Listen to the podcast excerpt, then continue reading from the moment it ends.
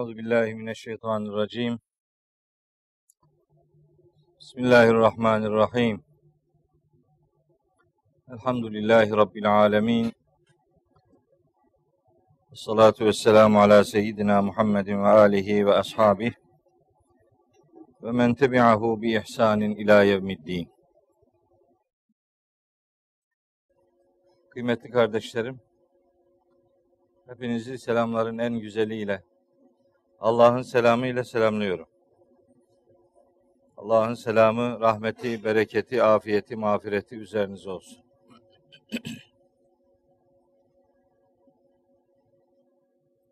Bugün inşallah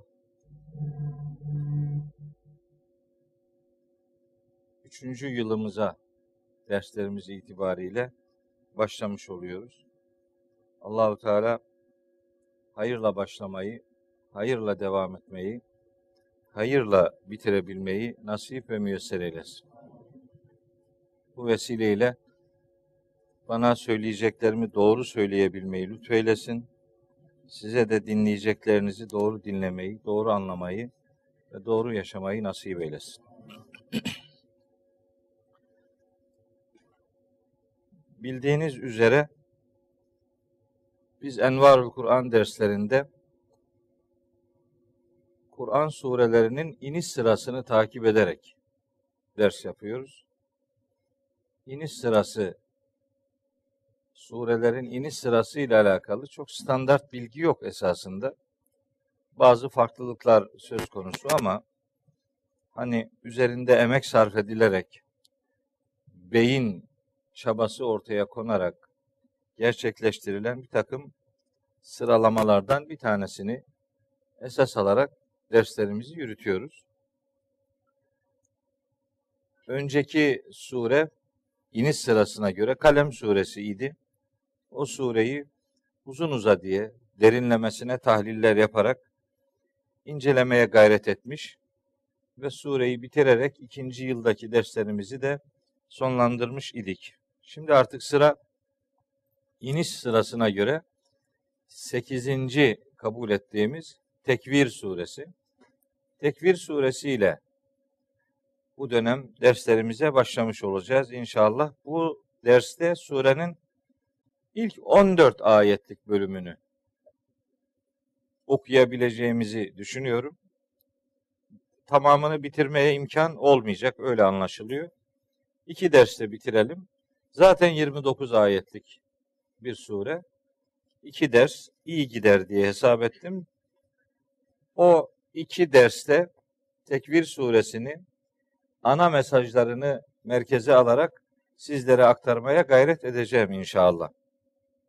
Tabi sözün başında bak birkaç hususa kısa da olsa temas etmek istiyorum. Sözü fazla uzatmadan.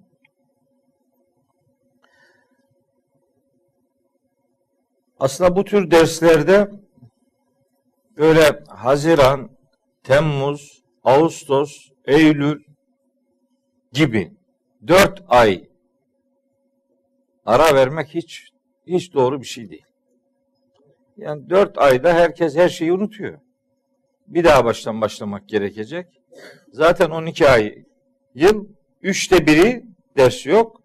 Kalanda da zaten 15 günde bir ders yapılıyor. Ben şimdi diyorum iki sene ders yaptık. Bir arkadaş dedi kaç ders yaptın? İki senede 32 tane. İki sene deyince sanki her günü ders yapılmış gibi bir hava estiriliyor. Hayır zaten 15 günde bir. Dolayısıyla toplam 32 ders yapmışız. Yani bu 4 aylık zaman benim için çok çok fazla. Buna bir hal çaresi bulmak durumundayız. Yani ne yapılabilir? Yani bu 4 ayı 2 aya falan indirmek lazım yani en, en çok daha fazla ara vermemek lazım. Şimdi vahiy böyle boşlanmaya gelmez. Gerçi biz burada ders yapmadığımız zaman insanlar hiçbir şey yapmıyor demek değil tabii. Bu ben kendi açımdan söylüyorum. Kendimi soğumuş gibi hissediyorum. Bir daha ısınana kadar şu kadar e, çaba sarf etmek gerekiyor. Arkadaşlardan rica edelim, istirham edelim. Nasıl bir e, dönüşüm yapılacaksa onu yapalım. Dört aylık zamanı bu kadar uzun tutmayalım. Bir. İkincisi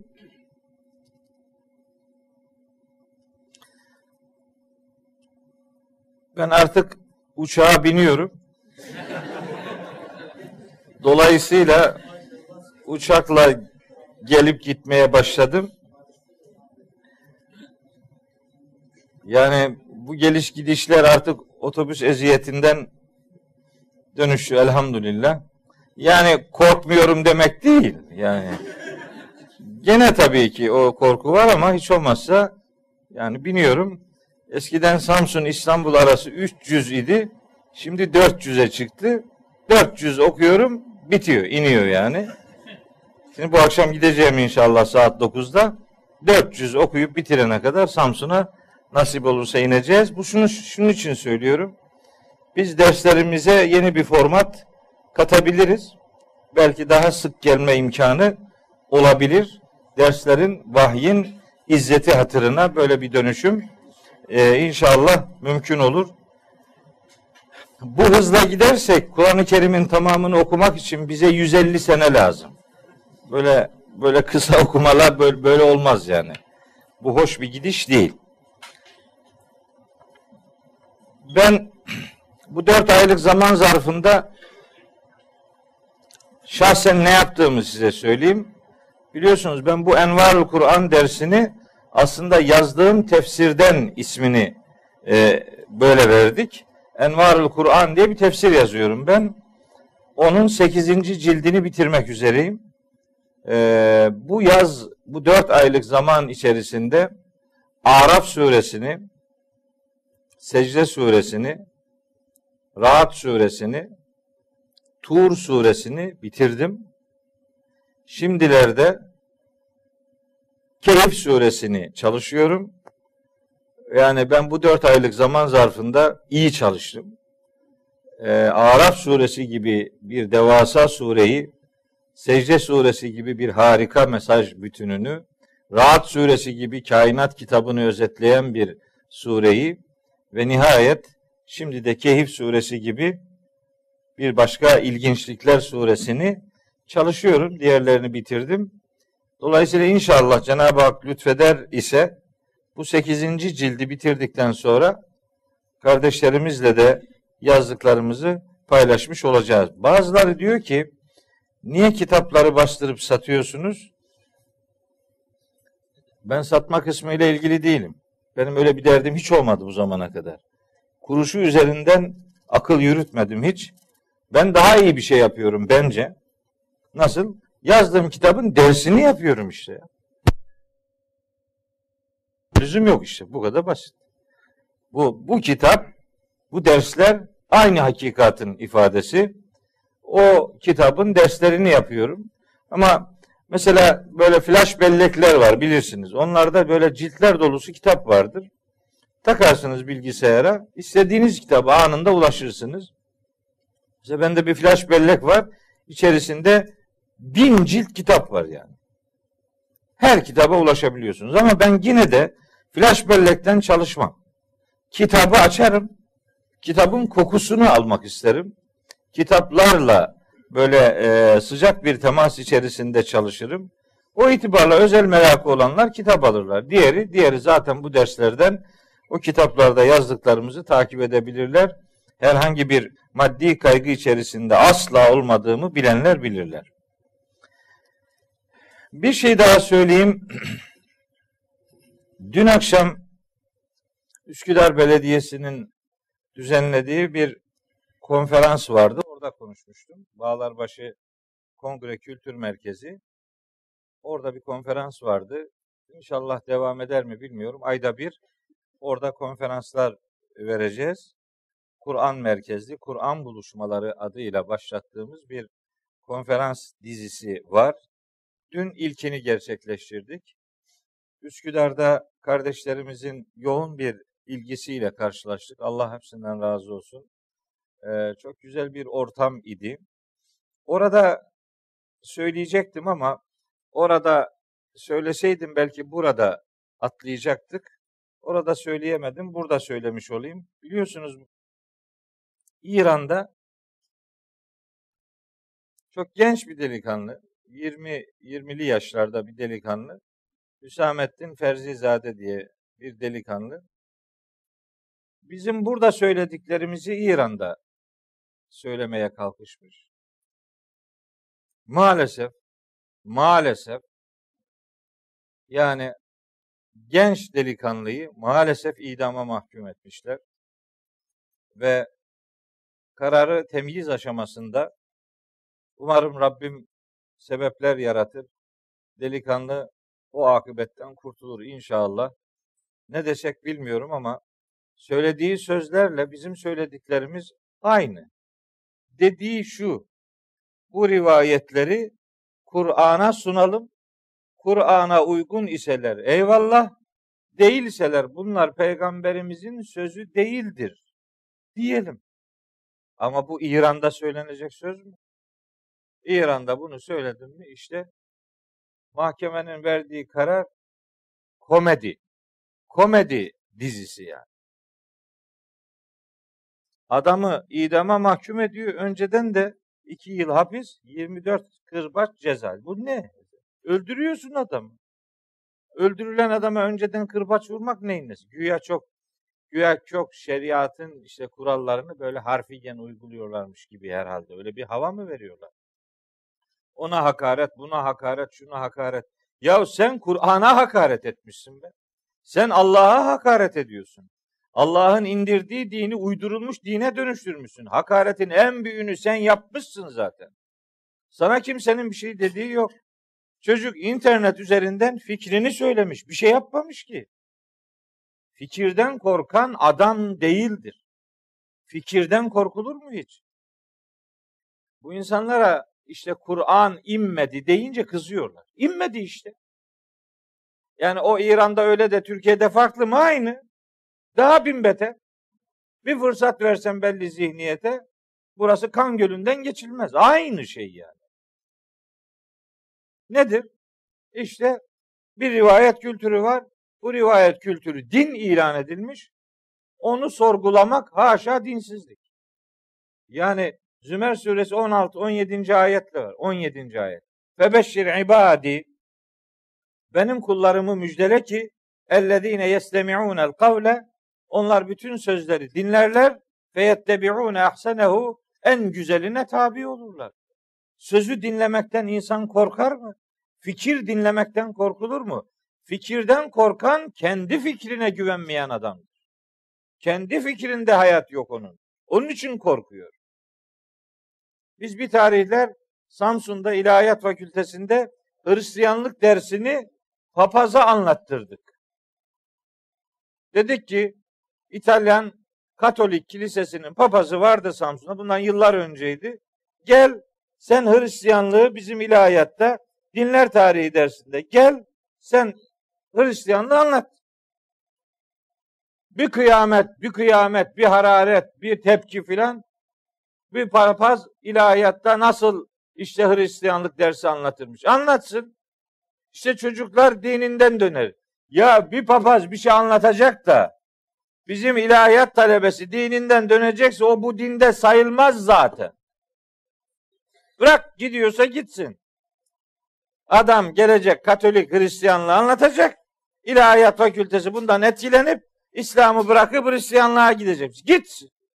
O zaten İslam'da sayılmaz o kafa. Adam geldi Hristiyanlığı anlattı sonunda dedi bana ki o zaman idareciydim orada. Dedi bana ki ben bu ilahiyatta bir daha ders anlatmak istemiyorum dedi. Niye dedi? Bunlar dedi çok felaket soru soruyorlar adamın canını sıkıyorlar dedi. E niye? İşte sen anlat. Varsa gücün anlat.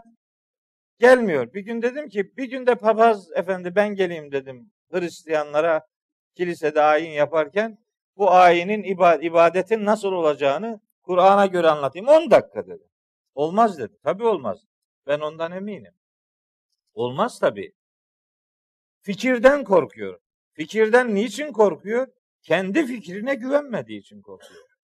Biz hakikati sonuna kadar konuşmaya varız. Hakaret etmediğin, dışlamadığın, hedef göstermediğin sürece insanlar fikirlerini bütün hürriyet unsurlarını kullanarak söyleyebilmelidirler. Bunun önünde bir engel yok. Ama dünya Hani eskiden orta çağda öyle karanlıktı, böyle karanlıktı filan. Bazen bugünkü uygulamalar o günü mumla aratırcasına şiddet arz ediyor maalesef. Say ki Hüsamettin Ferzizade dinden döndü. Say ki öyle. Dönmedi de aslında döndü. Nereden döndü? Yanlıştan doğruya döndü. Allah öbürleri de döndürsün. Yani yanlıştan doğruya dönmek bir kabahat değil ki bu bir erdemdir. Ama say ki senin dediğin gibi doğrudan yanlışa döndü. Say ki böyle oldu. Ya dininden dönen adam öldürülmez ki ya. Dininden dönen adamı öldürdüysen eğer onu bir daha kazanma şansın var mı? Bitti adam hesabını gördün. Üstelik hakkında açık ayetler bulunmasına ve dinden dönen insanın öldürülmeyeceğine dair Kur'ani ifadeler bulunmasına rağmen açıktan ayetler olmasına rağmen adam dinden döndüğü iddiasıyla yok bilmem ibadi mezhebine girmiş de yok bilmem ona hakaret buna hakaret etmiş de 21 mi 22 yaşında bir delikanlıyı idama mahkum etmişler. Allahu Teala'dan niyazım odur ki bu genç kardeşimizin başına bir felaket gelmesin inşallah. Temyiz aşamasında umarım aklı selim galip gelir ve kardeşimiz o akıbetten kurtulmuş olur. Dua ve niyazım odur. Cenab-ı Hak duamızı müstecap kılsın inşallah. Evet, değerli kardeşlerim, 33. ders itibariyle Tekvir suresine inşallah başlamış oluyoruz. Bu surenin iniş sırası 8. Hani başta söyledim bir daha söyleyeyim. Bu çok standart değil. Farklı sıralamaların yapıldığını da beyan edeyim. O farklı sıralamaları dışlamadığımızı ancak benim takip ettiğim bu sıralama bizim Mustafa Hoca'nın yaptığı sıralamadır. Çok üzerinde emek sarf etti. Çok ciddi uğraşılar gerektiriyor bu iş. Benim o noktada özel bir çalışmam olmadığı için onun yaptığı sıralamaya itibar ediyorum. Ve neticede eğer bir sure Mekki ise Mekke dönemi sureleri üçe ayrılır. İlk dört yıl, orta dört yıl, son dört yıl. Hani Mekke'si İslam'ın 12 yıldı. Üçer, üç gruplu, dörder yıllık periyotlar halinde düşünürseniz bir sure eğer ilk dört yılda indirilmişse onun sekizinci veya onuncu sırada indirilmiş olması çok bir şey değiştirmez. Çünkü Mekki surelerin mantığı bellidir, medeni surelerinki bellidir. Yeter ki Mekki bir sureye medeni demeyelim, medeni bir sureye Mekki demeyelim. Ama bu arada bir şeyi daha unutmayalım. Bir sure Mekki olmasına rağmen içinde medeni ayetler bulunabilir. Medeni olmasına rağmen içinde Mekki ayetler bulunabilir. Homojen değildir yani sureler. Böyle bir değişkenlik söz konusudur. O esnekliği de göz önüne alarak surelerin Mekkiliği üzerinden onları anlamaya çalışırsak mesajı doğru kavramış oluruz. Benim istediğimiz sıralamada Tekvir suresi 8. suredir. Surelerin isimlerinin verilmesinde belli bir standardın olmadığını ifade edeyim. Bazen sure bir peygamberden veya kıssadan adını alır. Bazen sure ele aldığı konudan adın, adını alır. Genellikle sureler içindeki kelimeyle bir kelimeyle isimlendirilirken bazen kelime kökeni itibariyle farklı bir isim verilebilir. Mesela bu surenin adı tekvir. Tekvir kelimesi geçmez burada. Bu kelimenin edilgen fiil kalıbı geçer. Küvvirat kalıbı geçer. Küvvira, kevvera kökü mastar kalıbına dönüştürüldüğü zaman tekvir olur. Bu adını oradan alıyor. Bazen böyle olur. Bazen suredeki kelimelerden herhangi biri değil, ortalama konu isme dönüştürülür. Mesela İhlas suresi gibi hani dini arı duru ortaya koyma anlamında İhlas kelimesi surenin içinde geçmez. Konudan adını alır. Mesela Fatiha suresi gibi açılış, başlangıç adını alır ama Fatiha kelimesi surede geçmez. Dediğim gibi bazen başındaki o kesik kesik okunan harfler, bazen içindeki bir kıssa, bazen bir peygamberin adı, bazen ilginç bir kelime, bazen konunun efendim toparlanmış adı, bazen de kelimenin mastar haline dönüştürülmüş formu surenin adı olur. Burada da işte bu sonuncu söylediğim gerçekleşmiş. Küvvirat kelimesi mastar halinde tekvirden adını almıştır. Tekvir dürmek demektir. Dürmek, sarmalamak anlamına geliyor. İsim oradan türetilmiş. Surenin resmi sıralamadaki yeri 81'dir. 81. suredir resmi sıralamada.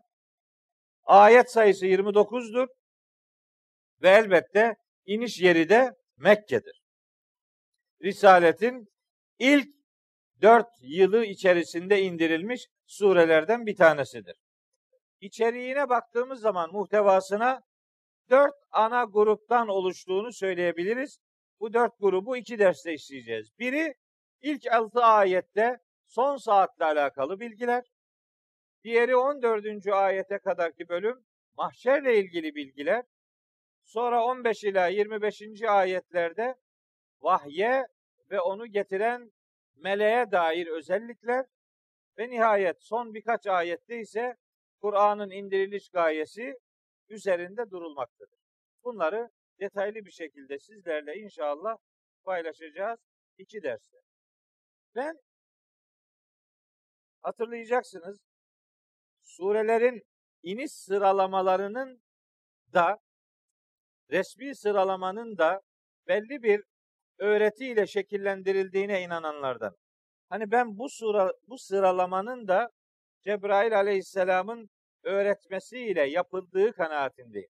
Resmi sıralamanın da bir ilahi öğretiyle yapıldığına inanıyorum. Bu benim şahsi kanaatim. Yanlış olabilir, başkalarını bağlamaz benim bu kanaatim. Çünkü surelerin dizilişi o kadar güzeldir ki Fatiha'dan sonra gelebilecek tek sure Bakara'dır. Bakara'dan başka bir sure orada yürümez yani. Bakara'dan sonra en iyi gidecek sure Ali İmran'dır yani. Resmi sıralamanın da bir öğretiyle şekillendirildiğine inanıyorum. Sureler arasında muhteşem bağlar var çünkü. Tenasübü süver diye bir konumuz vardır bizim. Surelerin birbiriyle anlam ilişkisi, münasebeti. O pek çok yönden surelerin birbirine bağımlı olduğunu gösterir. Bu resmi sıralamada böyledir. İniş sıralamasında da haydi haydi böyledir. Niye? Çünkü mesela bu sureden önce indirilen sure Kalem suresidir. Kalem suresiyle Tekvir suresi birkaç noktada sanki birbirinin devamı gibi bir mahiyet arz eder. Her iki surede de peygamberlik vurgusu öndedir. Her iki surede de son saate, ahirete göndermeler vardır. Her iki surede de vahiy merkezi konudur ve her iki surede de Allahu Teala yemin ifadelerine yer verir. Bu 4-5 noktadan Kalem suresi ile Tekvir suresi adeta birbirinin devamı şeklinde bir konu içeriği arz eder. Bunu öyle görmek ve birbirini tamamlayan sureler diye kabul edip anlamak durumundayız. Şimdi sırasıyla surenin ayetlerini sizlere paylaşayım. Biliyorum İnfitar suresini işlememize belki yıllar var. Kaç yıl lazım bilmiyorum ama İnfitar suresi iniş sırasına göre epey sonralarda bir suredir ama resmi sura sıralamada hemen 82. suredir. İnfitar suresinin ilk 5 ayeti ile genellikle 5 ayeti demeyeyim ama hiç olmazsa 3 ayetiyle İnfitar suresinin ilk 3 ayeti ile Tekvir suresinin ilk 6 ayeti konu itibariyle genellikle birbirine karıştırılır. İnfitar suresinin ilk 3 ayetinin bizim kullanımımızda kıyameti yani son saati anlattığı varsayılır. Oysa İnfitar suresinin ilk üç ayeti aslında ahiret inşasını, Tekvir suresinin ilk altı ayeti ise son saati ifade eder. Yani tabi Kur'an meallerini açıp baktığınız zaman şu cümleyi görürsünüz. İdes semaun fatarat. Gök yarıldığı zaman. Gök yarıldığı zaman denince zaten sistemin yıkılması akla gelir. Ve idel kevakibun teseret. Yıldızlar veya gezegenler saçıldığı zaman yani ortalığa savrulduğu zaman ve idel biharu fucciret işte zaten denizler de kaynatıldığı zaman veya işte fışkırtıldığı zaman bu tam son saati anlatıyor gibi algılanır. Halbuki hiç de böyle değildir. İnfitar suresinin ilk üç ayeti 4 ve 5. ayeti de beraber okuyarak düşünüldüğü zaman son saati değil aslında mahşeri anlatır. Niçin? Hani o ders ne zaman gelir bilemediğimiz için şimdiden söyleyeyim karıştırılmasın. Meal okurken doğru bir okuma izlensin diye ifade ediyorum. İdes semaun fataret. Gök fıtrata kavuşturulduğu zaman. İnfitar fatara kökünden gelir. Fatara, fatır, infatara, münfatır fıtrat kelimeleri aynı köktendir. Gök yeni bir fıtrata sahip kılındığı zaman. Yani mahşer şartlarında gök olacak mı? Tabii olacak. Yani arızalar bir tane değil ki. Bir tanesini alıyorsun, öbürü baş gösteriyor yani. Şeye bakın. İbrahim suresi 48. ayet. Estağfirullah. Yevme tübeddelül ardu gayrel ardı ve semavatu. Bak arz başka bir arza dönüştürülecek göklerde. Yani orada da gökler olacak. Orada da var. Orada da yeryüzü olacak. Değişim geçirse de yeryüzü ve gökler mahşer şartlarında da olacak. Mesela Enbiya suresi 104. ayette der ki Rabbimiz Estağfirullah yevme natvis sema'e sicilli lil kütübi kema bede'na evvele halkin nu'iduhu. O gün göğü yazı tomarlarını dürer gibi düreriz. Sonra ilk yaratılışa nasıl başladıysak yaratılışı yeniden iade ederiz. Yani gök dürülecek, sonra yeniden bir fıtrat kazanacak ve mahşerin elbette gökleri olacak. Orada da var gökler. Orada da yer var. Yer deyince bu arzı, gök deyince bu semayı insanlar algılıyor. Dolayısıyla mahşer şartlarında bunlar olmayacak varsayımından hareket ediliyor ki bu doğru değil. Gök yeni bir fıtrata kavuşturulduğu zaman ve idel kevakibu el kevkep kelimesine tabi yıldızlar manası veriliyor ama kevkep aslında gezegen demektir. Ve idel kevakibu gezegenler inteseret yeniden serpildiği zaman. Yani o alemin de gezegenleri olacak. O alemin de yıldızları olacak. Ve idel biharu fucciret. O alemin de denizleri olacak. O alemde de fışkırtım. Hani cennetin tasvir edildiği ayetlere bakıldığı zaman hemen hemen hepsinde görülen ortak nokta ırmakların bulunmasıdır. Tecri min tahtihel enharu. Altlarından ırmaklar akar. Irmak bir yere akacak da elbet. İşte denize gidecek. Oranın da denizleri olacak. Dolayısıyla İnfitar suresinin ilk ayetlerini son saatle ilişkilendirmek isabetli bir görüş değildir. Ben bir kadir şinaslık olsun diye ifade ediyorum. Eskiden ben de bunu hep son saatle ilişkilendirir öyle anlatırdım. Sonra Mustafa Hoca sağ olsun. Onun onun yaklaşımı Allah ebeden razı olsun. Fıtrat kelimesi üzerinden yürüyerek bunun son saati değil aslında ahireti, kıyameti anlattığını fark ettik. Zaten dördüncü ayetle beşinci ayet bunu resmen haykırıyor. Dördüncü ayet. Şimdi şeyler vardır. Bu ayetlerin sonlarında e, şeyler vardır. Secaventler vardır. Hani ayet numarasının üzerinde böyle harfler vardır. La, mim, kıf, tı, efendim, z, cim gibi üç nokta filan. Onları koyanlar büyük oranda isabet etmişlerdir. İsabet edilmemiş yerler de var ama büyük oranda isabetlidir.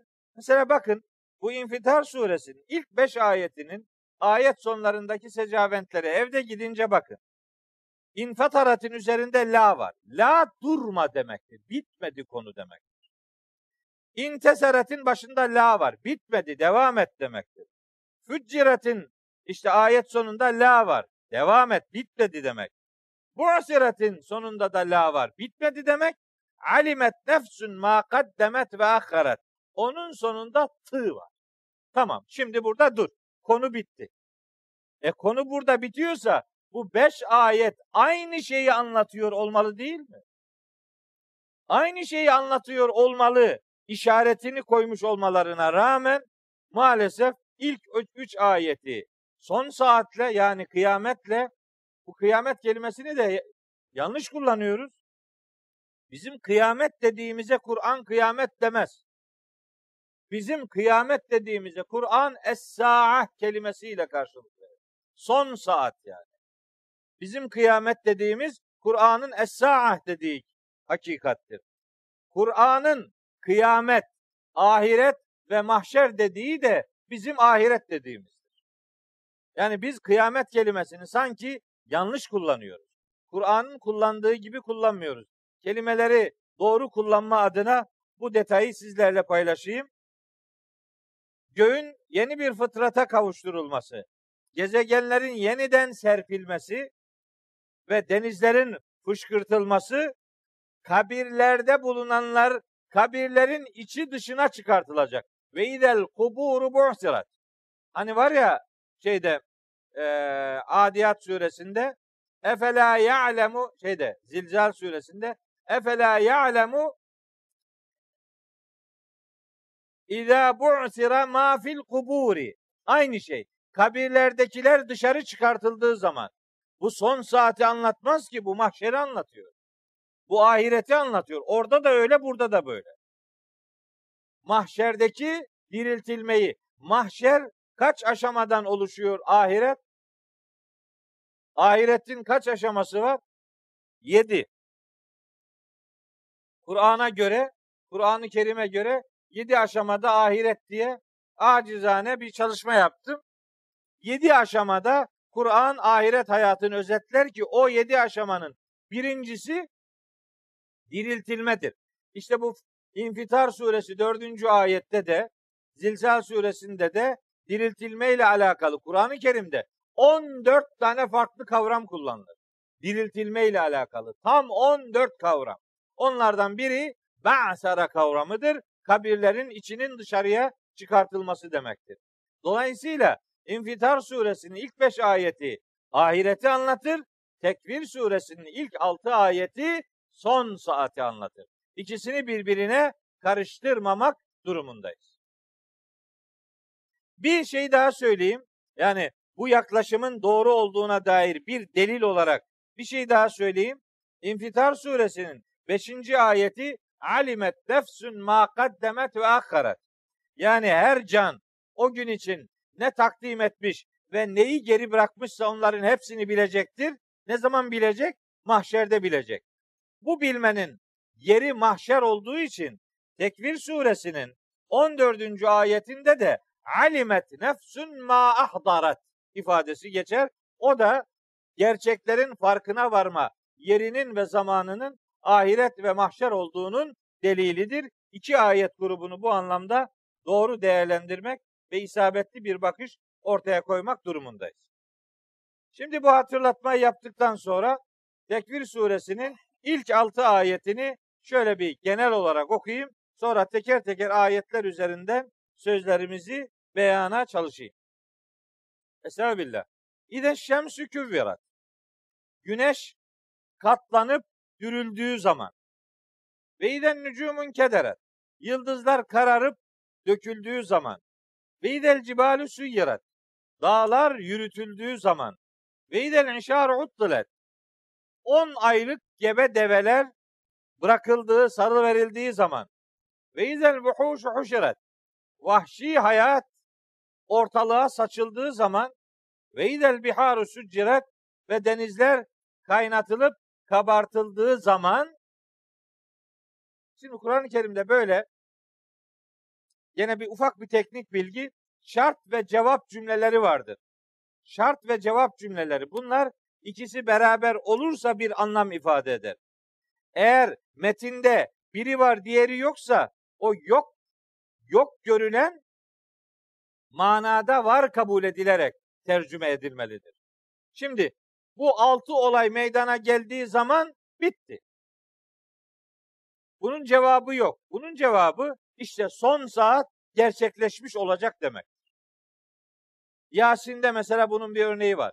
Ve izâ qîle lehumuttekû mâ beyne eydîküm ve mâ halfeküm lealleküm turhamun. Önünüzde ve arkanızda bulunan her şeyden korunun dendiği zaman cevabı yok. Dendiği zaman Mekkeli müşrikler yüz çevirirler. Orada o cümle var kabul edilir. Burada da böyle son saat işte o zaman gerçekleşmiş olur manasının ayetin içerisinde bulunduğunu bilmek ve ayeti öyle algılamak durumundayız. Şimdi ben buradan hani batı diliyle ifade edelim eskatoloji diye bir şey var. Yani ahir zaman çalışmaları, ahir zamanla alakalı fikir yürütmeler. İster bilim insanlarından olsun, ister felsefecilerden olsun. Eskatoloji ile ilgili çalışanlara Kur'an'ın yol verdiği kanaatindeyim. Yani son saat dediğimiz bu alemin sonuyla alakalı neler yaşanacak? Kur'an bu konuda sessiz değildir. Yani bilim bu alemin, bu evrenin, bu kainatın biteceğine dair çalışmalar yapmalı, üretmeli. Zaten yapanlar var. Daha bir dikkatli yapılması lazım geldiğine inanıyorum. Bu benim işim değil. Ben bundan anlamam. Ama Kur'an'ın dediği işte gezegenlerle alakalı bilgi veriyor. Güneş katlanıp dürülecek. Yani güneşin varlığıyla alakalı bir değişim ve dönüşüm yaşanacak. Yıldızlarla alakalı bir şeyler olacak. Dağlarla alakalı, efendim canlı hayatla alakalı, efendim denizlerle alakalı bir takım değişimler ve dönüşümler olacak. Kur'an böyle insanoğluna, bilim insanlarına hedef bilgiler verir. Ufuk bilgiler verir. Hani nihai bir hedef ortaya koyar, siz onun üzerinden kafa yorar, çaba sarf eder ve bir hakikati elde etmek için fedakarlık yaparsınız. Araştırma laboratuvarları mı kuracaksınız? Çalışma enstitüleri mi e, efendim inşa edeceksiniz? Her neyse. İşte eskatoloji ile alakalı çalışılacaksa Kur'an'ın ön açan bilgileri var. Bu surenin ilk altı ayeti mesela hiç olmazsa beş tanesi tam bu konuyla alakalıdır. Astronomik çalışmalar yapanlara Kur'an yol gösterir. Jeolojik çalışmalar yapanlara, jeomorfolojik çalışmalar yapanlara Kur'an hedef bilgiler verir. Oradan hareketle son saate doğru neler olacaktır? Buna dair bu, bu kainatın ebedi olmadığını ispata dair Kur'ani sunumlardır. Şimdi okuyacağımız altı ayetin beş tanesi. Ne olacak? Son saat denince aslında ne yaşanacak? Bunu sadece Allah bildirebilir. Bunu başka insanların tahmin etmesi mümkün değil. Cenab-ı Hakk'ın hakkında bilgi verdiği böyle bir konuyu biz şimdi Kitabullah'ın verdiği işaretle anlamaya ve bilim insanları da bunu ispata çalışacak bir faaliyet içerisine girmelidirler. Kur'an'ın öğrettiği hedef bilgilere bu anlamda ulaşmak durumundayız. Buyuruyor ki Rabbimiz. Bir, Estağfirullah. İde şemsü küvvirat. Güneş katlanıp dürüldüğü zaman. Bakın bu güneşin tekvir oluşu. İşte surede adını bu kelimenin mastar kalıbından alıyor dedim. Güneşin dürülmesi ya çevresinin kuşatılması dolayısıyla ışığının sönmesi demektir ya da bizatihi güneşin varlığını kaybetmesi demektir. Şimdi biz Mürselat suresinde ve iden nücumu tumiset diye bir ayet var. Yıldızlar karartıldığı zaman efendim tam sedilmek, mühürlenmek demek. Yani ışığını kaybetmek demek. Güneş de bir yıldız olduğuna göre belli ki son saate doğru güneş ışığını kaybedecek. İşte şimdi güneşin o hidrojen yapısıyla alakalı bunun aslında bitip tükenmeye dönük bir mahiyet arz ettiğini bilim insanlarının bir hedef bilgi olarak ortaya koyup bunun nasıl olduğunu ispatlamalarının önü açılıyor. Öyle bir yol gösteriyor Allahu Teala. Güneş üzerinden çalışın ve bu alemin bir gün biteceği gerçeğiyle yüzleşin. Daha ne desin? Yani burada hoş laboratuvar şartları ortaya koyacak hali yok. Hedef bilgi verir. Eskiden ilk dönem Müslümanlar bu ayete böyle inanıyorlardı. Yapacak bir şey yok ki. Ama şimdi bilimsel faaliyetler bilim insanları kadını olsun erkeği olsun bu hakikatı elde edebilme noktasında fedakarlık yapsınlar. Güneş ışığını kaybedecek, dürülecek yani katlanacak. Bu alışılmış yapısı bir değişime ve dönüşüme tabi tutulacak demektir. Ben bu ayette güneşin dürülmesinin aslında varlığını tamamen kaybetmesi şeklinde anlamak ve manayı bundan ibaret gibi görmemek durumunda olduğumuz kanaatindeyim. Güneşin dürülmesi, katlanması tamamen yok olması değil, tamamen yok olması değil, Enbiya suresi 104. ayetinde beyan edildiği gibi as yani bir değişim geçirip yeni başına dönmesi manasının ayette kastedilmiş olabileceği kanaatindeyim. Yani yeni bir alemin dönüşümünün ilk kıvılcımlarının böylece verilmiş olabileceği kanaatindeyim. Yani güneş yok olup gitmeyecek esasında. Güneş varlığını değiştirecek, ahiret şartlarına doğru yeni bir dizayn efendim devreye girecek demektir. Enbiya suresi 104. ayet hani göğü böyle yazı tomarlarını rulo yapar gibi nasıl katlıyoruz? Sonra kema bede'na evvele halqin nu'iduhu. Yaratılışa nasıl başladıysak onu iade edeceğiz demek. Kağıtları yeniden açacağız demektir yani. Yeni bir sistem kurulacak. Yani gök yeni bir fıtrata sahip kılınacak. Gök denince bu devasa boşluğu kastediyoruz. Yani gök böyle bir atlas tavan gibi her ne kadar algılanmışsa da artık biliyoruz ki bu büyük, devasa bir boşluktan söz ediyoruz. O boşluğun habire genişlemekte olduğunu Zariyat suresi 47. ayet bize beyan ederek hani bilim insanlarının önünü açan bu tür bilgilendirmeler yapıyor. Güneşin yeni bir yolculuğa çıkmasının kastedildiği kanaatindeyim bu ayette. Hani illa budur deyip de kestirip atmıyorum. Ama iki türlü ayeti iki türlü düşünerek güneş ışığını kaybedebilir. Varlığı yeni bir dönüşümün iz düşümleriyle yeni bir mecraya giriyor olabilir. Her ikisinin de Kur'ani delilleri var. Biri Mürselat suresi 8. ayet, bir diğeri Enbiya suresinin 104. ayeti. Yaklaşımlarımız eğer ayetlerden delil alabiliyorsa bunlar yadırganmamalıdır, dışlanmamalıdır. Kur'an'ın çok anlamlılığının birer göstergesi olarak kabul edilmelidir. Yeter ki tek anlam budur deyip kestirip atmayalım. Bir bu. İki. Ve iden nücumun kederet. Yıldızlar kararıp döküldüğü zaman. Yıldızların kararıp dökülmesi gene o Mürselat suresi 8. ayette ifade edildiği gibi feiden nücumu dumiset. İşte karartılmak. Yıldızların karartılması ifadesi söz konusu. Bakın başta dedim. İnfitar suresinin ikinci ayetindeki ve izel kevakibun teseret ile bu ayetteki ve izen nücumun kederat aynı şey değildir.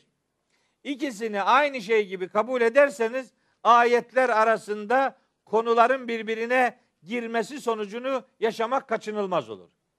Orada gezegenlerin yeniden serpilmesi, yeni bir dizaynın ortaya çıkması, burada ise yıldızların kararıp dökülmesinden söz edilir. Çünkü burada son saat, orada ise ahiret şartları söz konusu ediliyor. Demektir ikisini birbirine karıştırmayalım. Bakın şimdi eski alimlerimize rahmet okumak durumunda olduğumuza dair ne muhteşem görüşler var.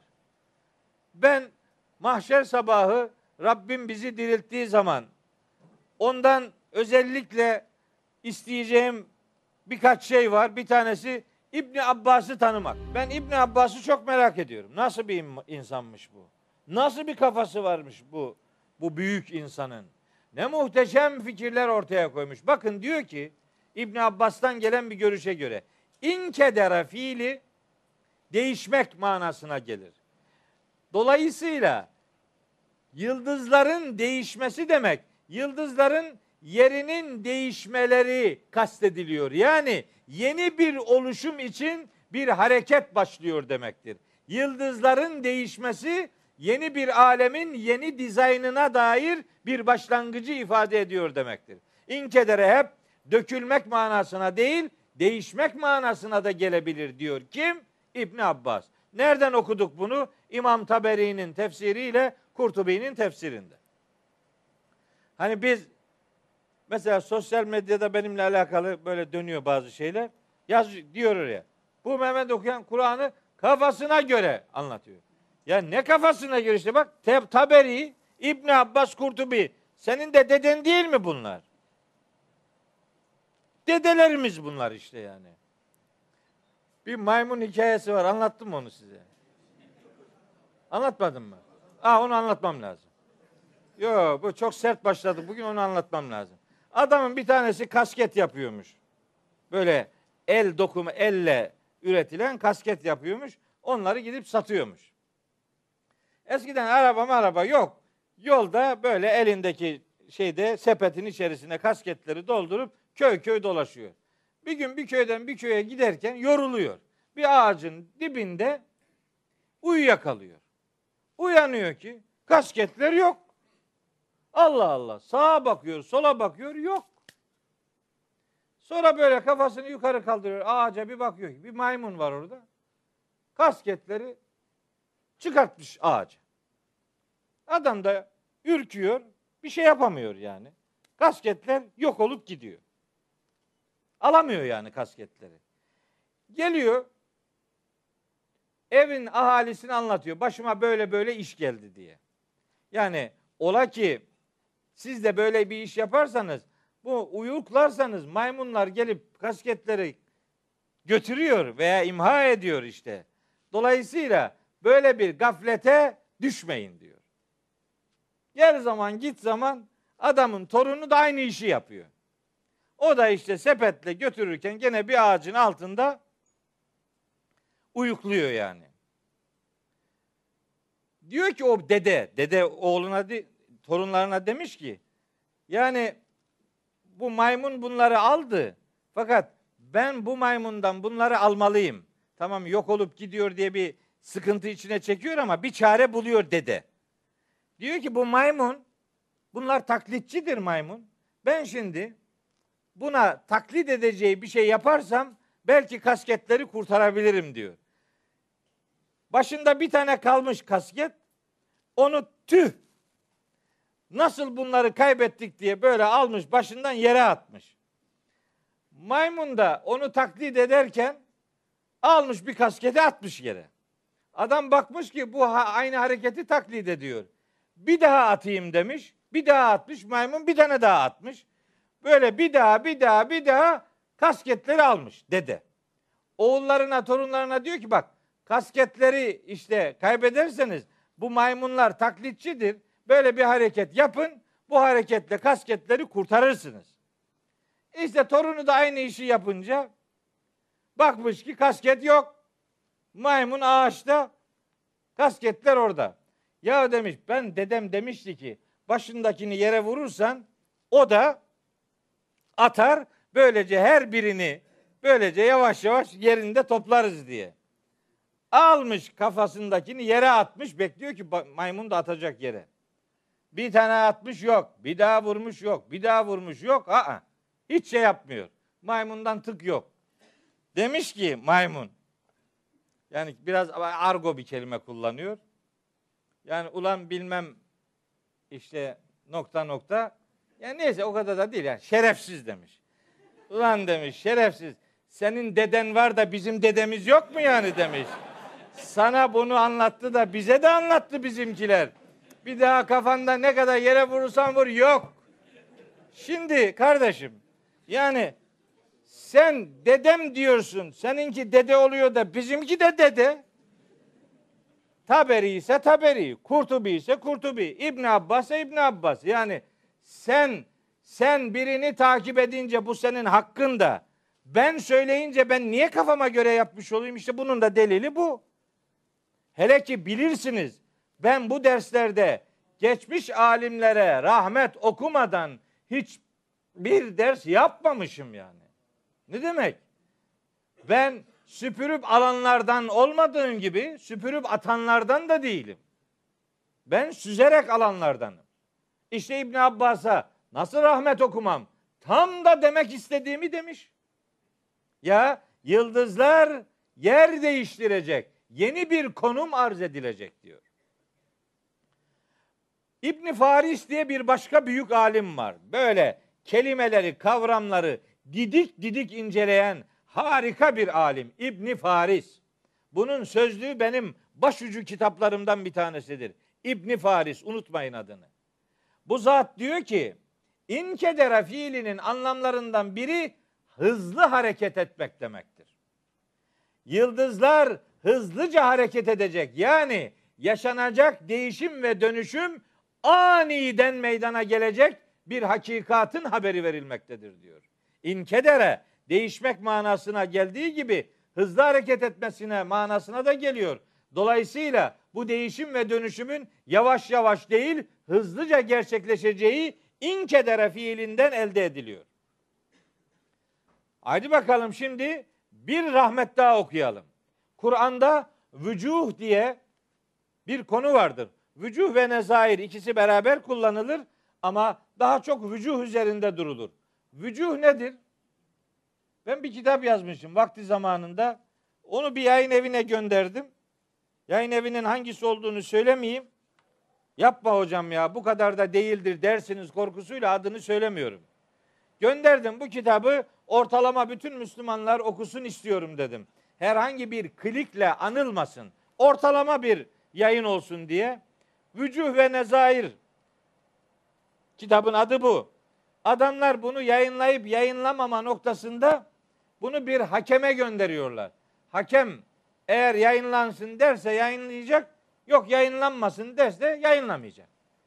Cevap kitabın adıyla içi birbirine uygun olmadığı için yayınlanması uygun değildir. Adıyla içi birbirine uygun değil. Garibim vücuh deyince bu okumalardaki farklılıklar var ya hani bazı hafızlar bir ayeti birkaç çeşit okurlar. Vücuh deyince onu bu kıraat ilmindeki bir okuma tekniğidir vücuh. Vücuh deyince onu zannediyor. Bilmiyor ki asıl vücuh Kur'an'daki kelimelerin çok anlamlılığının adıdır. Kitabın adıyla diyor içi birbirine uymadığı için basımı uygun görülmemiştir. Boyuna yazık ya. Bu kadar mı cehalet olur be? İşte o vücuh denen ilim harika bir ilimdir. Bir kelimenin birden çok anlama gelebilme özelliğidir vücuh. Diyor ki alimlerimizin bir tanesi. En nücum kelimesi hani bu böyle tahmini bir yaklaşım değil ha sakın yanlış anlamayın. Rahman suresinde Eşşemsu vel kameru bi husbanin ve necmu ve şeceru yescudani ayetleri var. Yani güneşin de ayın da bir hesabı vardır. Bir hesaba göre varlıklarını devam ettirirler. Ve necmu ve şeceru yescudani. Necimde ağaçlar da secde ederler. Bu ayetteki en necmu kelimesi yıldız demek değil. Bu ayetteki en necm kelimesi gövdesiz bitki ot demektir. Ot. En necmu bitki demektir. Eşşeceru gövdeli bitki. Ağaç demektir. Oradan hareketle ve iden nücumun kederet ayetine bitkiler değişim geçirdiği zaman manasını vermişlerdir. Ve iden nücumu. Çünkü o algıya göre zaten eşşemsu bir yıldızdır. En nücumunun bir daha yıldız olarak kullanılmasına gerek yok. Bu defa mesajı bitkiler üzerinden anlamak daha doğrudur demiş eski alimlerimiz. Ve iden nücumun kederet. Bitkiler arz üzerindeki bitkiler, yeşillikler şekil değiştirecek, mahiyet değiştirecek. Cennetin rengi nedir? Yeşil. Yani yeşillikler olacak. Orada da cennet zaten ne demek? Cennet ne? Bahçe demek. Cenne, cenne kaplamak demektir, örtmek demektir. Felemma cenne aleyhil leylu üzerine gece onu kapladığı zaman Cenin örtülü yerde duran varlık demektir. Mecnun aklı örtülmüş demektir. Cin görünmeyen varlık demektir. Can cin veya hızlı hareket edip gözden kaybolan ince yılan demektir. Mesela ecinne cenin kelimesinin çoğuludur. Rahimlerdeki işte küçücük insancıklar demektir. Ondan sonra cünne kelimesi var. Cünne, kalkan. Kalkan nedir? Arkasına saklananı perdelediği için cünne denilir. Cennet de tabanı üzerindeki yeşilliklerden dolayı görünmeyen bahçeye derler. Üzerinde yeşillik var, tabanı görünmüyor. Onun için bahçeye cennet denmiştir. Dolayısıyla orada da yeşillikler olacak. Bakın. Yani iden nücumun kederet. Yeşillikler, bitkiler mahiyet ve şekil değiştirdiği zaman bir dönüşüm meydana geliyor demektir. Şimdi bu ayeti izah ederken bu görüşü bir Kadir Şinaslık örneği olarak hatırlatmak gerekmiyor mu yani? En necme en nücum kelimesini gördüğümüz her yerde buna yıldız demeyle meseleyi bitiremeyiz ki. Bu yıldız değil her yerde. Hele ki en necm kelimesinin anlamlarından biri de vahiy demektir. Vahiy. Necm suresinin birinci ayetindeki ve necmi idâ heva o ayetteki necm kelimesi vahiy parçacığı demektir. Yıldız demek değil. Necim kelimesi Kur'an'da üç anlama gelir. Bu anlamlardan biri elbet yıldız manası var. İkinci anlamı bitkiler manası. Üçüncü anlamı ise vahidir, vahiy parçacığı demek. Ben bu ayetlerin bu tür yorumlanabilme noktasında önümüzü açan bütün geçmişlerimize, alimlerimize tekrar ve tekrar Rabbimden rahmetiyle muamele buyurmasını niyaz ederim. Öyle. Sonra bu iki. 14 ayet okuyacağız. Ve idel cibalü süyyiret. Üç. Dağlar yürütüldüğü zaman. Bakın son saatte dağlar diye bir gündemi vardır Kur'an'ın. Pek çok ayet. Ben birkaç tanesini yazdım buraya ama hepsi bundan ibaret değil. Daha da var. Son saatte. Mesela Taha suresinde şöyle bir ayet var. Ve estağfirullah. Ve yeselûneke anil cibali.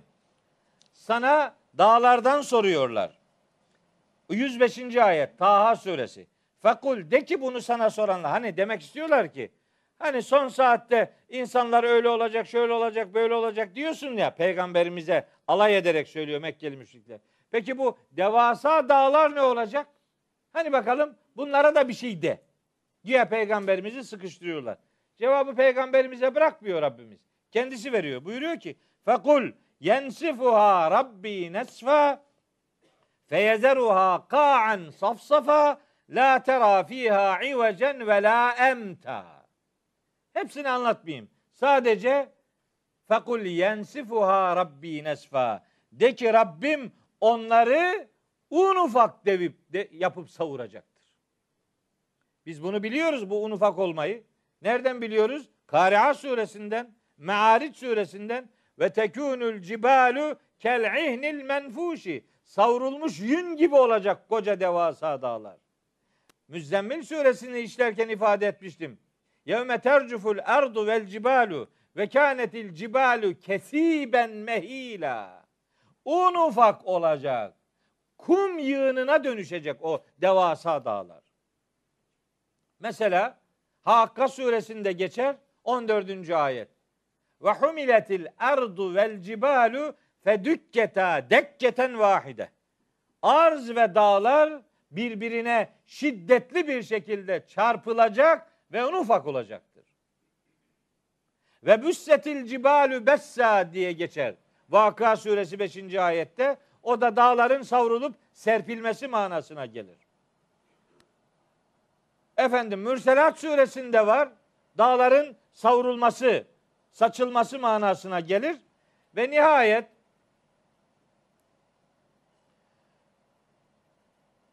dağların bir seraba dönüşmesi ifadesi var Nebe suresinde.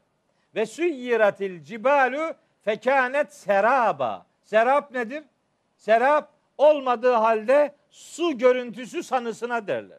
Serap görmek öyle. Yok aslında su ama bir görüntü yanılması var.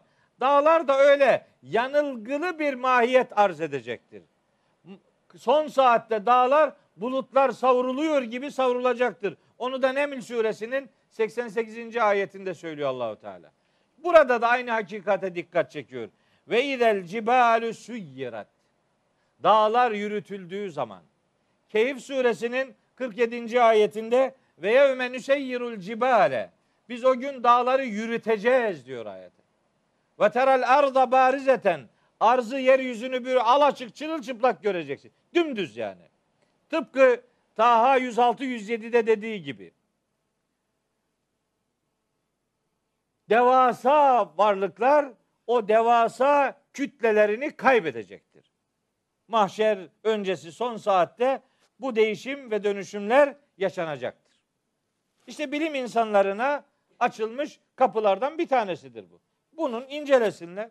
Bu nasıl bir şeymiş? Neler olacak?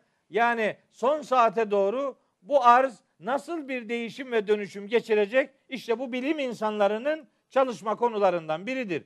Yıldızlarla alakalı, bitkilerle alakalı, gök cisimleriyle alakalı yapılacak çalışmaların yer kısmı da vardır ve dağlar üzerinden bu çalışmalar yürütülmelidir. Şimdi dördüncü ayet başka bir şey söylüyor. Burada buyuruyor ki Rabbimiz son saatte yaşanacak dehşeti ortaya koyma bakımında. Ve izel işaru uttilet.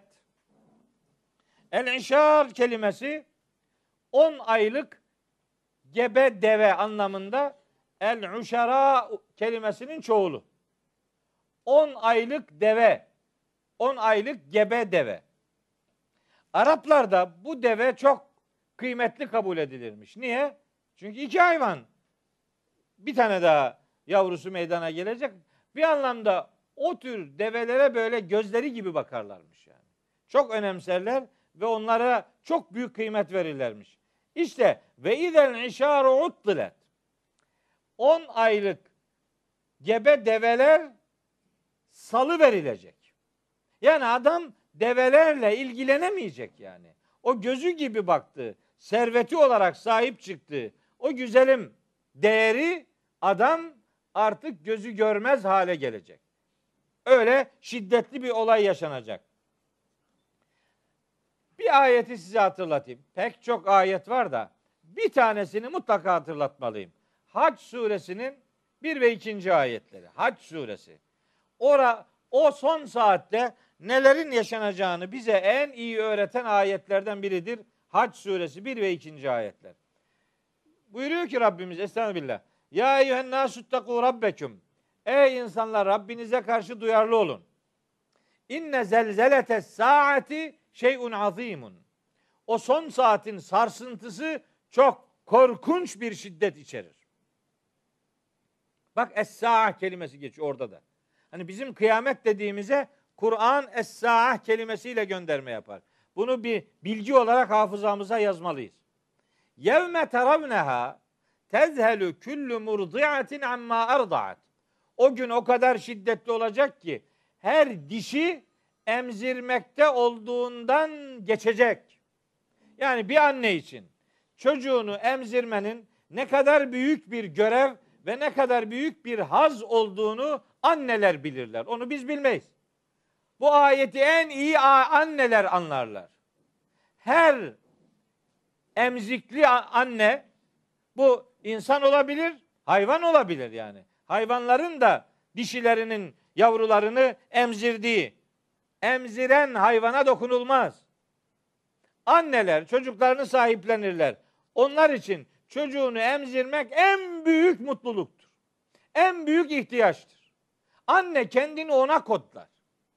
Saatini belirler, bilir ne zaman acıkacağını, bütün hayatını oraya kodlar. Onun için anaların hakkı ödenmez. Bizimki bir şey mi? Biz ne yaptık yani? Fazla bir şey yapmıyoruz yani. Annelik, annelik. Onun için Hazreti Peygamber öyle diyor. Üç defa anne hakkına gönderme yapıyor. Dördüncü de sıra bize geliyor yani. Allah'a bin şükür.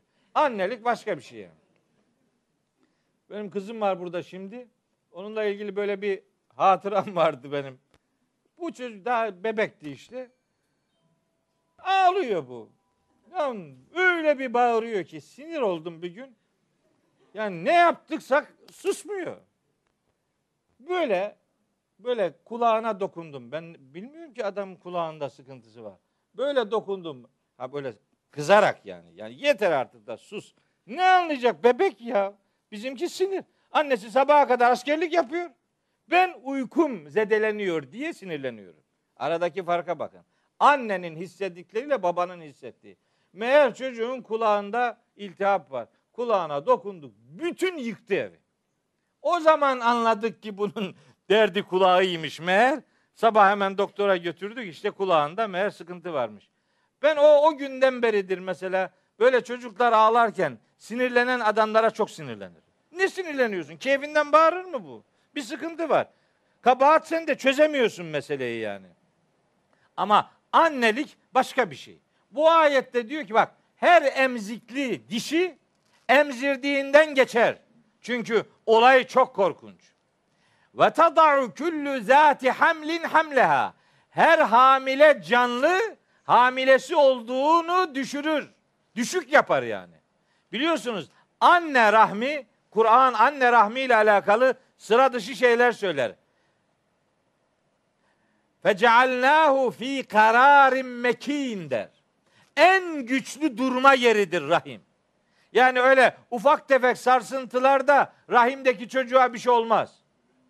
Trafik kazası geçirir mesela bir anne, anne icabında ölür, çocuk ölmez.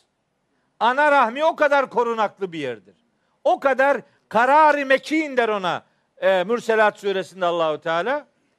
O anneler o mahşer öncesi son saatte yaşanacak korkunç değişim nedeniyle hamilesi olduğu yavrusunu düşürür diyor. Ve tada'u kullu zati hamlin hamlaha ve terennase sükara ve mahum bi sükara. Aslında adamlar sarhoş olmamasına rağmen onları sarhoş gibi görürsün. Böyle darma duman olmuş adam. Velakinne azaballahi şedidun. Bunlar ne ki diyor Allahu Teala? Allah'ın mahşerdeki azabı bundan çok daha şiddetli olacaktır. Yasin'de der. Fela yestati'une tavsiyeten ve la ila ehlihim yerciun. O son saat esnasında insanlar birbirlerine bir şeyi tavsiye etmeye imkan bulamayacaklar. Sokaktaysa evine ailesinin yanına dönemeyecek. Hatta Hazreti Peygamber bir hadisinde elinde ağzına götürmek üzere lokması olan adam lokmasını ağzına götüremeyecek diyor. Sergisini ortalığa koymuş alışveriş yapan adam sergisini toplayamayacak. O kadar aniden gerçekleşecek ve o kadar şiddetli olacaktır. Son saatin şiddetiyle alakalı Kur'an'da şu kadar bilgi var. Efendimizin hadislerinde de şu kadar yönlendirme var. İşte o genel yapı içerisinde burada dikkat çekilen 10 aylık gebe, gebe develer salı verilecek. Uttilet yani atıl bırakılmak. Artık ilgilenilmemek. Tatil kelimesi var ya. Tatil. O bu kökten geliyor. Uttilet. Aynı kökten geliyor. Onun için biz deriz ki bizde tatil yok. Niye? Tatil atıl bırakmaktır. Biz tatilden yana değiliz. Aa bire getiriyorsun Muratçım. Ben bunların hiçbirini içemedim ya. Evet. Bizde tatil yok. Ne var bizde? Bizde iş değiştirme var. Tatil yok. Tatil ne? Tatile gidiyorum. Ne kendini iptal ediyorsun? Tatil iptal etmek demek. Bizim İnşirah suremiz var. Biz o sure orada dururken nasıl tatil yapacağız? Feyda feragte fensab. Ne demiş ama bazıları? İşin bittiği zaman kalk namaz kıl. Ha, işin varsa kılmayabilirsin. O demek mi yani? Ne alakası var? O ayetin namazla uzaktan yakından ilgisi yok. Feyda feragte'nin iki tane anlamı var. Bir, bir işi bitirdiğin zaman fensap yerine yenisine kalk hemen. Bizim tatilimiz iş değiştirmek. Meşguliyet değiştirmektir. Feyda feragte. Bir işe yüreğini verdiğin zaman feraga yüreğini boşaltmak anlamına da gelir. Hz. Musa'nın annesiyle alakalı Kasas suresinde o kelime kullanılır. öyle tam da yerindedir biliyor musunuz? Ve asbaha fuadu ummi Musa fariga. Musa'nın annesi hani Musa'yı nehre bırakmıştı da gidiyordu ya sandığın içerisinde. Musa'nın annesinin yüreği Musa ile dolup akmıştı. Fariga o demek. Yüreği dolmak, yüreği akmak demektir. Fe izâ feragte yüreğini bir işe verdiğin zaman fensap o işin arkasında dik dur. Fensap, nasap, dik duruş anlamına da gelir. Bir işe başladığın zaman adam gibi işinin gereğini yerine getir demektir. O ayetin iki anlamı var. Gel gör ki bizde yaygın anlamı işini bitirdiğin zaman kalk namaz kıl. Yok o değil yani. O değil. Bakın size bir ayet daha söyleyeyim. Bu muattale kelimesiyle alakalı. Hac suresinde 45. ayet. Fekeyyim min qaryetin ehleknaha ve hiye zalimetun fehiye haviyetin ala uruşiha fehiye haviyetun ala uruşiha ve bi'rim muattaletin. Muattale kelime aynı kökten gelir. Muattal kuyu yani suyunu çekmiş kuyu. Suyu bitmiş kuyu demektir. Muattal atıl bırakılmak, işlevsiz hale getirilmek demektir. Ve idel işar uttilet işte oradan geliyor o kelime. 10 aylık gebe develer artık ilgilenilmez hale gelecek. Şimdi bakın. Bu sure ve bütünüyle Kur'an nerede geldi? Arap Yarımadası'nda. Mekke'de veya Medine'de. Mekkelilerin ya da Medinelilerin hayatlarında kıymet verdikleri şeylerden biri 10 aylık gebe develer olabilir. Ama dünyanın başka yerlerinde böyle bir şey yok. Hani Kur'an tarihsel bir kitap mıdır, evrensel bir kitap mıdır? Değil mi? Temel bir sorumuz var bizim. Kur'an tarihsel motifler içeren evrensel bir kitaptır. Tarihsel motifleri var. Bunları görmezden gelemeyiz. Çünkü Kur'an atmosfere gelmiş bir kitap değil. Bir coğrafyaya geldi. Bir sosyolojiye geldi. Onun üzerinden mesajlar içeriyor. Ama o mesajların tarihsel motifler içermesi bilginin veya bildirinin mesajın evrensel olmasına mani değildir. Biz buradan hareketle el-işar kelimesini insanların üzerine titrediği, göz bebeği gibi gördüğü her ne varsa onun için bir sembol ifade olduğunu kabul ederiz. Araplar için bu 10 aylık gebe devedir, bizim için başka şeylerdir. Şimdi deve üzerinden kimse servet sahipliği e, edebiyatı yapmıyor. Nedir İstanbul'dakilerin şeyi? En değer verdiği şeyler? He ne? Lüks araba, arsa, bina, residence, bilmem bilmem ne işte her neyse. Şimdi bu ayetin demek istediği şu. Her çağın, her yörenin, her insanın değer verdiği şeyler farklı olabilirler. Bilin ki o son saat denen dehşet sizi o en çok değer verdiğiniz şeylerden ayrı koyacak. Onlarla ilgilenemeyeceksiniz haberiniz olsun. Verilmek istenen mesaj bu. Her neyse araba, servet, han, hamam, yat, kat ne her neyse onlarla ilgilenemeyecek duruma geleceksiniz. Çünkü son saatin dehşeti öyle dışarıdan tahmin edilebilir türden bir şey değildir. Şimdi bakın. Bu ayeti servet üzerinden yorumladık. Değer verilen malzemelerin artık insanların itibar etmeyecek hale gelmesinden, getirilmesinden söz ettik. Fakat bu kelimeler burada bu derslerde zaman zaman söyledim ama ille de bir daha söylemek ihtiyacındayım. Kur'an'ın bu hele ki Mekki surelerinde kelimelerin ve kavramların birden çok anlamı olduğu gibi bu ayetler kısa cümleler halinde getirilir. Genellikle Mekki surelerde. Biz buna Kur'an'ın ve dolayısıyla Mekki surelerin icazı deriz. İcaz. İcaz değil. İcaz aciz bırakmak. Mucizevilik ortaya koymak demektir. O kelimenin kökü acezedir. Bu dediğim icazın kökü vecezedir. Vecezeyi ifal babına dört harfli kalıba getirirsiniz. Evcez, evceze olur. Onun masları icaz. İcaz bir sözü kısa tutmak demektir. Sözün şekli kısadır ama manası büyük, uzundur. İki kelimelik bir ayettir. sayfalar dolusu izah etmeniz gerekebilir. İcaz Mekki surelerin özelliğidir. İcaz bütün Kur'an'ın özelliğidir ama icaz özellikle Mekki surelerin. Ve izel işaru uttilet. Bu 10 aylık gebe deve manasının ötesinde yağmur yüklü bulutlar manasına da gelir. El işar kelimesi. Ve izel işaru uttilet. Yağmur yüklü bulutlar suyunu kaybettiği zaman. Yani bulut artık su taşımaz hale geldiği zaman.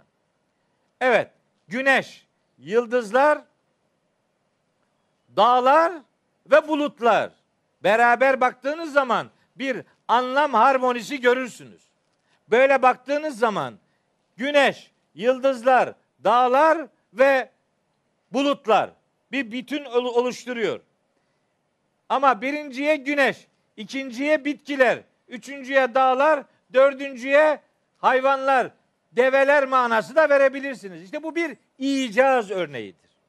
İcaz üzerinden bakarsanız bu ayetin böyle bir anlamı da var. Son saatte bulutlar yağmur yükünü kaybetmiş olacak. Su buharlaşıp çekilecek, su özelliğini yitirecek yani. Bu su özelliğini yitirmesi o kadar önemli bir mana ki bu. Bir sonraki ayet ancak bununla anlaşılacak. Bu manayla anlaşılacak yani. Suyun özelliğini kaybetmesi yani artık suyun bitmesi demek. Hani Mülk suresinde var ya Kul araeytum in asbaha ma'ukum gavran femen ye'tikum bima'in ma'inin. Hani o su gözelerinden gelen suyu su mağaraya çekilse yani yerin dibine gitse size fışkıracak suyu kim getirecek? Hayat bitti demektir. Bakın bu anlam o kadar önemli ki bir sonraki ayeti anlayacağız. Bu ikinci anlamdan hareket ederek. Burada bir D maddesi diye bir şey yazdım. Bizim Bayraktar Hoca'dan aldım. O çok farklı bir yorum getirmiş. Çok hoşuma gitti. Hani kardeşlerimin mesela onu da bilmesini isterim. İnsanlar özellikle gençler alabildiğine serbest bırakılacak. Yani son saate doğru. Özgürlükler vahşete yani vahşiliğe ve insanlığa yabancılaşmaya dönüşecek. İyiler salı verilecek, dağılacak, vahşiler toplanacak.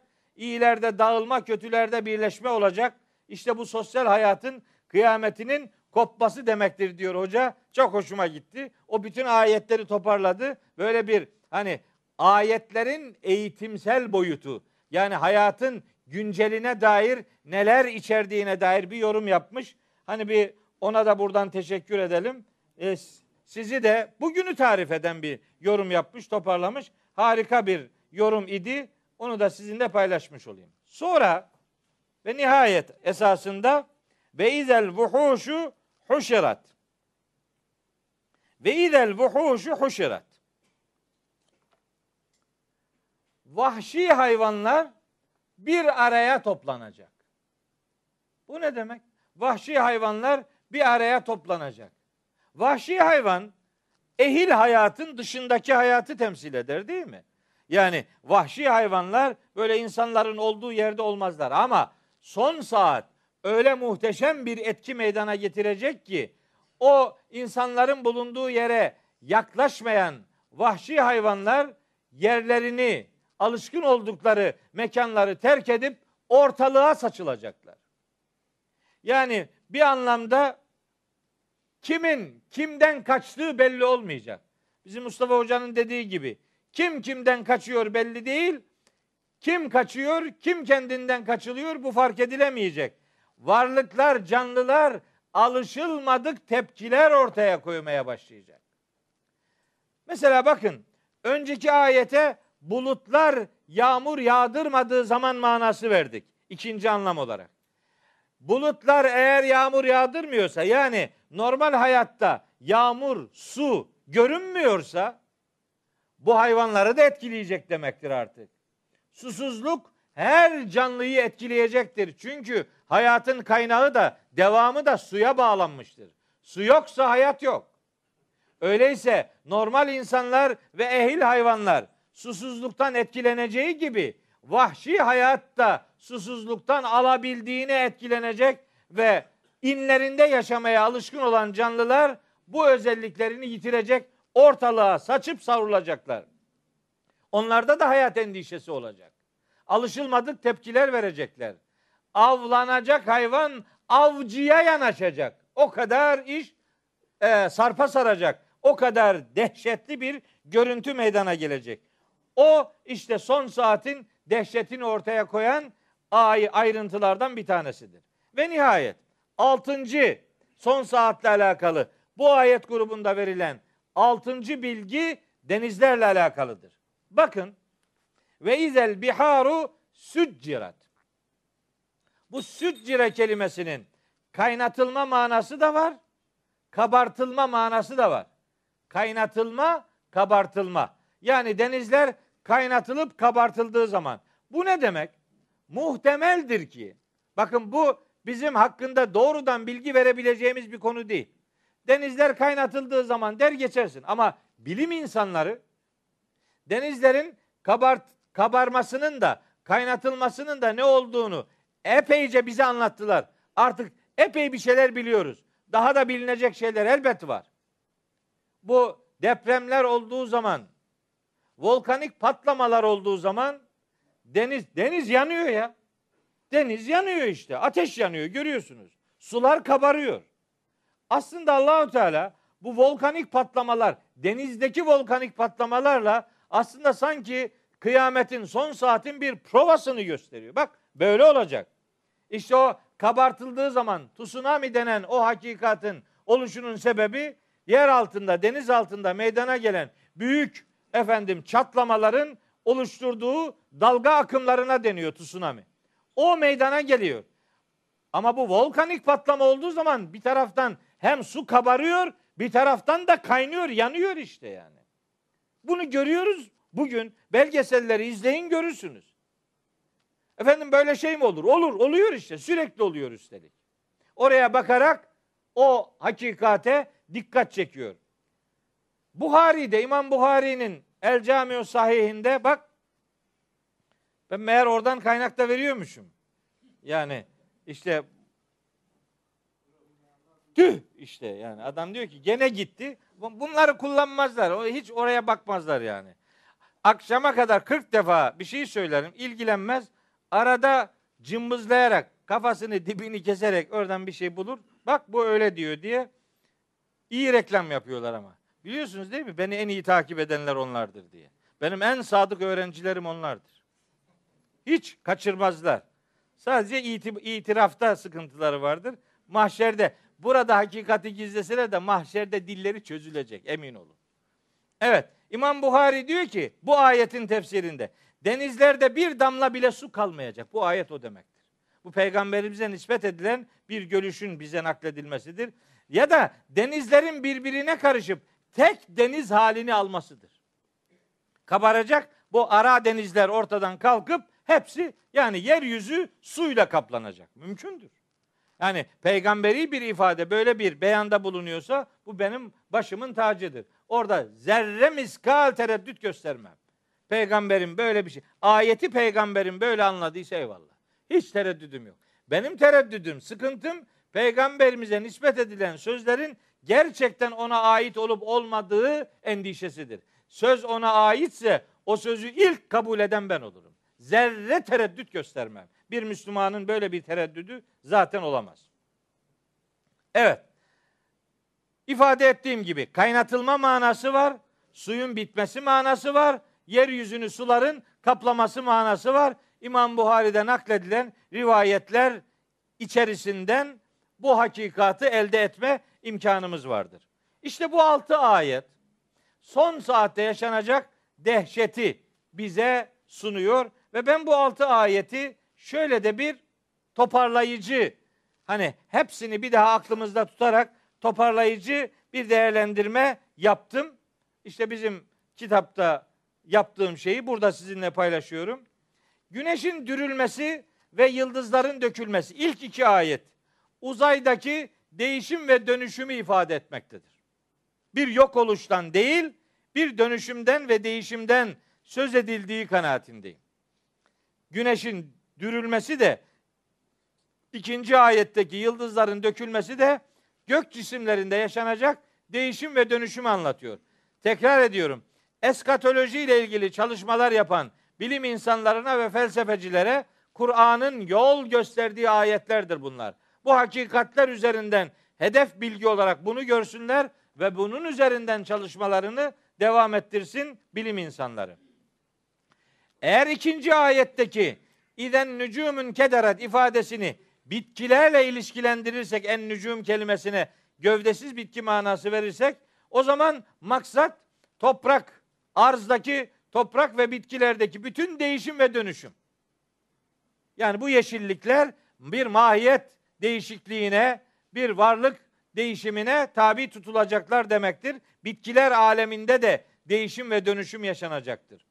Üç, dağların yürütülmesi, devasa kütlelerini kaybedip un ufak bir kum yığınına dönüşecek bir şiddeti yaşaması demektir.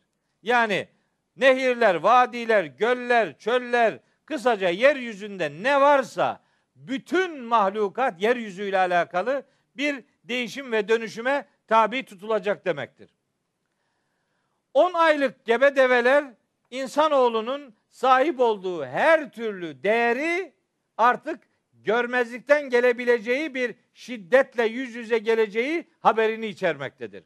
Bu en değerli varlıklarla ilgilenmemek manasına geldiği gibi kainat kitabındaki yağmur yüklü bulutların artık yağmur taşımaması manasında hayatı sona erdirme manasında suyun bitmesi bir son saat efendim gerçekliğidir. Bunun üzerinden kafa yorulması gerektiğine işaret ediyor zannımca. Vahşilerin toplanması işte canlı hayatın olayın şiddetinden aşırı derecede etkilenip alışılmış dışında bir tepki vermesine ya da kimin kimden kaçıp kimin kimden kaçmadığı, kaçamayacağı, sığınılacak başka bir yerin bulunamayacağı gerçeğine işarettir. Beşinci ayet ve nihayet denizlerin kabartılıp kaynatılması da son saatte yaşanacak ve İmam Buhari'nin naklettiği gibi ya suların bitmesi manasını ya dünyayı suların kaplaması ve hayatın bitmesi manasını içermektedir. Su bitince bedensel ve maddi hayat bitiyor. Dolayısıyla hakikat adına bu alemin artık sonunun geldiği beyan edilmiş oluyor. İşte Tekvir suresinin ilk altı ayetini ancak okuyabildik. Ben zaten anlamıştım bunun böyle olacağını. Ee, yani şimdi öbür öbür öbür öbür ayetler onlar üzerinde saatlerce konuşacağız. Orada neler var neler neler söyleyeceğiz. Ama artık onu bir dahaki ders inşallah 7. ayetten itibaren inşallah bitiririz. Bitirir mi bitirmez bilmiyorum. Ne kadar giderse o kadar. Bu vesileyle ilk dersimiz itibariyle icabetinizden dolayı teşekkür ederim. Dün biliyorsunuz Ankara'da çok menfur bir olay yaşandı. Bu nasıl bir ülke ben anlamadım gitti. Olay yaşanmadan önce insanlar tweet atarak olayı önceden neredeyse tarif ediyorlar. Neredeyse. Orada ölen kardeşlerimize rahmet diliyorum. Allahu Teala ülkemizi bu felaketten, benzer felaketlerden muhafaza buyursun. Rabbim ırkçılık temeli üzerinden milleti memleketi bölme gayreti içerisine girenlere fırsat vermesin. İçeriden ve dışarıdan bu tür müdahalelere karşı uyanık olabilmeyi Rabbim hepimize nasip eylesin. Tekrar ölenlere rahmet diliyorum. Yakınlarına başsağlığı diliyorum. Sizi de Allah'a emanet ediyorum. Bir sonraki derste buluşuncaya kadar Allah sizinle ve sevdiklerinizle olsun.